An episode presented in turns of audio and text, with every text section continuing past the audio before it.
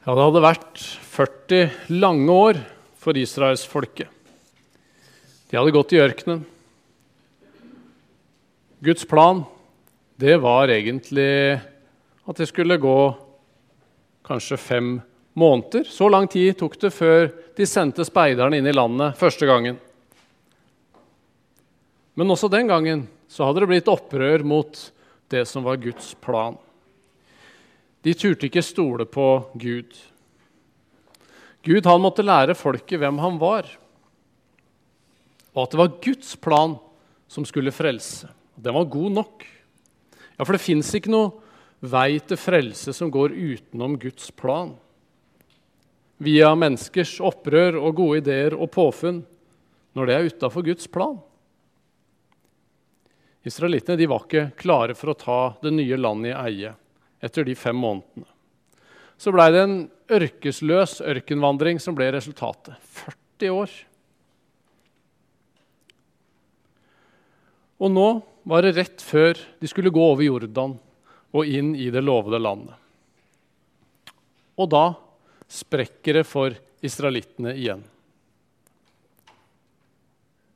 De orker ikke mer. Manna blei sikkert ensformig i lengden. Men det var Guds under hver eneste dag at de fikk denne maten. Vi er inderlig lei av denne maten, var responsen fra folket. Og så måtte de gå en omvei rundt Edomlandet, og det var liksom dråpen som fikk det til å renne over. Tålmodigheten var slutt. Noen ganger så går faktisk veien i en omvei. Og Gud vi bruker de omveiene også for å prøve vår tro, så den kan styrkes. Så vi kan finne at ja, Gud er med, også på disse skyggefulle stedene. Og så kommer det slanger inn i leiren. Men skal vi ikke kunne klage vår nød til Gud, da? Hvorfor får de denne straffen? Jo, vi ser jo i Salmenes bok og hos Jobb vi ser jo at vi kan klage til Gud. Det kan vi så absolutt.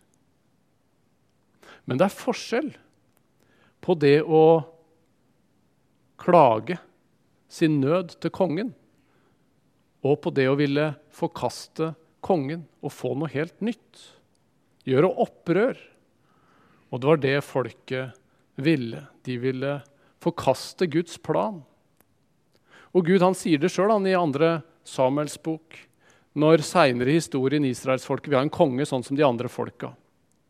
Så sier han til Samuel det er meg de har forkastet og ikke vil ha til konge over seg. Det har de gjort fra den dagen jeg førte dem opp fra Egypt, og til denne dag. Og så må mange dø, bare noen måneder før de skal vandre over Jordan. Og hører vi ropet fra Gud i den teksten her. Hold ut. Gud vil ha deg over Jordan. Han vil berge deg for evigheten. Det kan være gjennom prøvelser, gjennom omveier og ganske humpete livsstier. Men Gud, han vil frelse, og hans plan, den frelser. Ikke gjør opprør og forkast din konge og frelser når du trenger den som mest.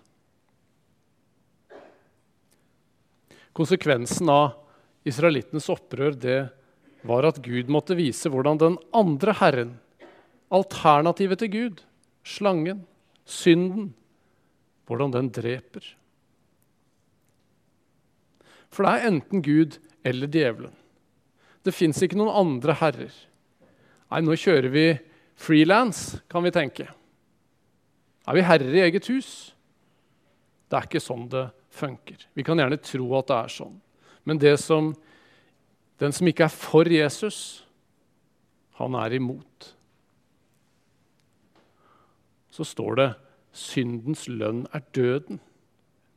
Og vi må jo bare innse at ja, vi er jo underlagt døden alle sammen. Og hvis vi forlater Guds ledelse og omsorg og plan, ja, så er det døden som får det siste ordet. Da hjelper det lite at vi har en brei og brosteinsbelagt og fin vei dit. Men folket de omvender seg. De ber om at Moses må ta slangene bort, eller be til Gud om at Gud må ta slangene bort fra dem. Og Moses han gikk til Gud, ba for folket. Men hva er det Gud gjør, han som hører bønner? Han ber altså Moses lage en slange av kobber. Hva tror dere folket tenker når Moses står der og hamrer og smir? En slange til? Det er vel kanskje det siste vi trenger? Og hvorfor fjerner ikke Gud bare slangene, da? Kan ikke prøvelsene nå bare ta slutt? Moses han setter stang, slangen opp på en stang, og løftet fra Gud proklameres i leiren. Alle som blir bitt, skal se på kobberslangen. Så skal de leve. Så de døende de får altså livet tilbake ved å se på den slangen som Moses opphøyde. Men hvorfor en slange? Ja, jeg tror at det er en mening også med det. Slangen vet vi, den møtte vi allerede i Edens hage, som fristeren. Denne slangen den fikk jo virkelig den første seieren, på en måte. Fikk inn det første slaget. Og den fikk oss til å vende blikket alle andre steder enn på Gud både inni oss sjøl og rundt opp på alle alternativer til Gud i verden. Men djevelen, den slangen som skaper opprøret mot Gud, han gir oss denne dødelige gifta når han får herje. Og Historien fra ørken den blir en ganske brutal påminnelse om nettopp det, og en billedgjøring av nettopp det at slangen den bringer død.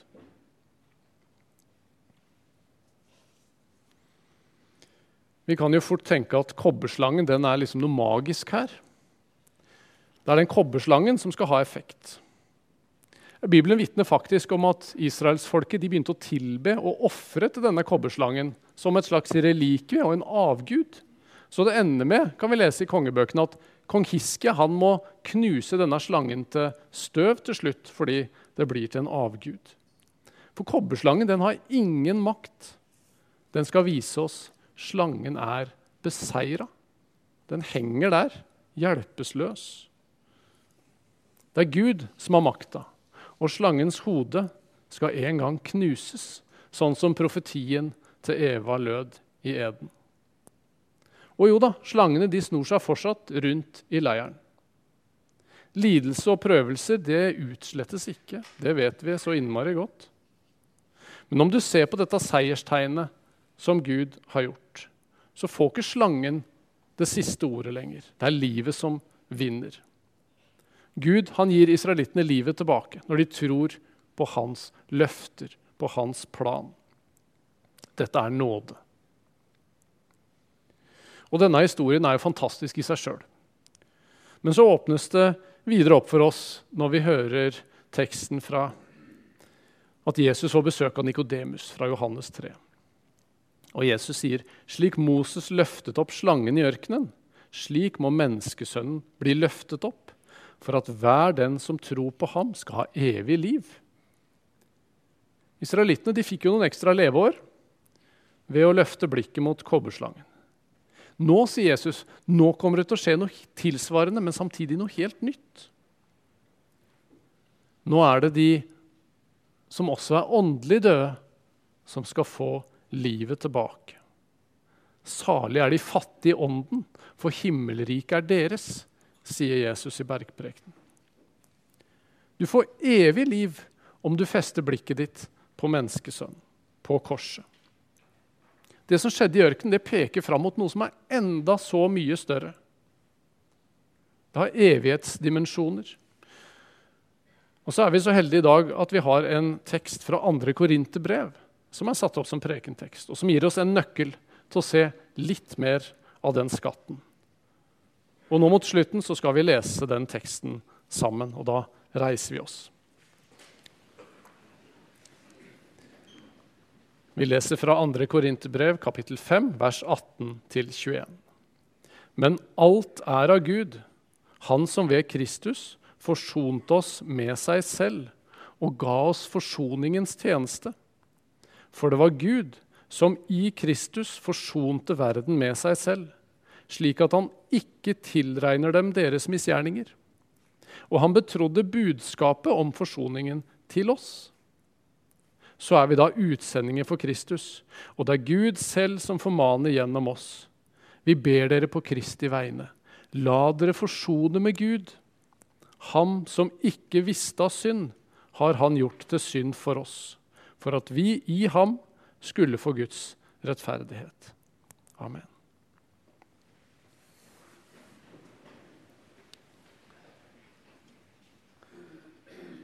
Kobberslangen den ble et tegn på Guds dom over synden og på Guds nåde. De fikk livet tilbake. Og nå, på langfredag, som er foran oss, som vi minnes, så skal Jesus med all vår synd henges opp på et tre, han også, som det endelige beviset. Ja, Jesus ble gjort til synd for oss, står det. Så synden din og min er på korset. Den er nå dømt på samme måte som slangen, synden, ble dømt den gangen i ørkenen. Jesus tok dommen, og slangen er beseira. Der på korset så tapte døden og djevelen kampen. Det er ikke lenger noe å anklage oss for, for alt er sona. Ja, Paulus han sier det. Døden er oppslukt, seieren er vunnet. Død, hvor er din brodd? Død, hvor er din seier? Men Gud være takk, som gir oss seier ved Jesus Kristus. Ja, døden vil nok fortsatt bite oss her nede, men vi vet at når vi ser på menneskesønnen på korset, så får vi det evige livet. Det er fullbrakt. Vi er forsona med Gud. Hva betyr det? Forsona. Alt er gjort opp og ferdig. Det er ingenting som hindrer. Vi kan lese om at det teppet, forhenget som hang mellom det aller helligste, det var liksom der hvor Gud var, og resten av tempelet, det revna når Jesus døde på korset. Vi fikk adgang til Gud fordi tilgivelsen ta bort det som skiller oss fra Gud. Vi er tilgitt. Og så var det Gud som gjorde det.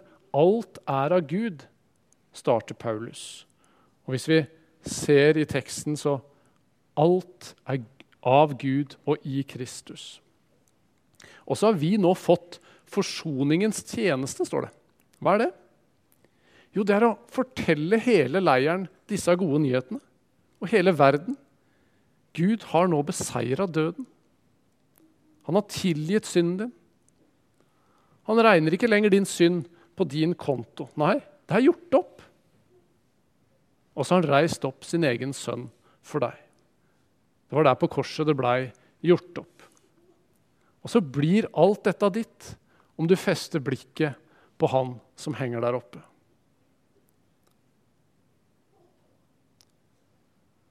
Og så får du lov til å ta imot denne kjærlige innbydelsen fra Gud.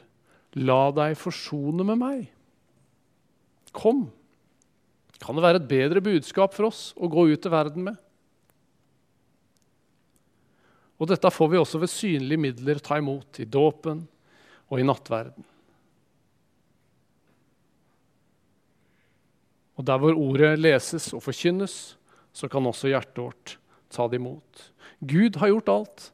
Han har forsona oss med seg. Det er nåde over nåde.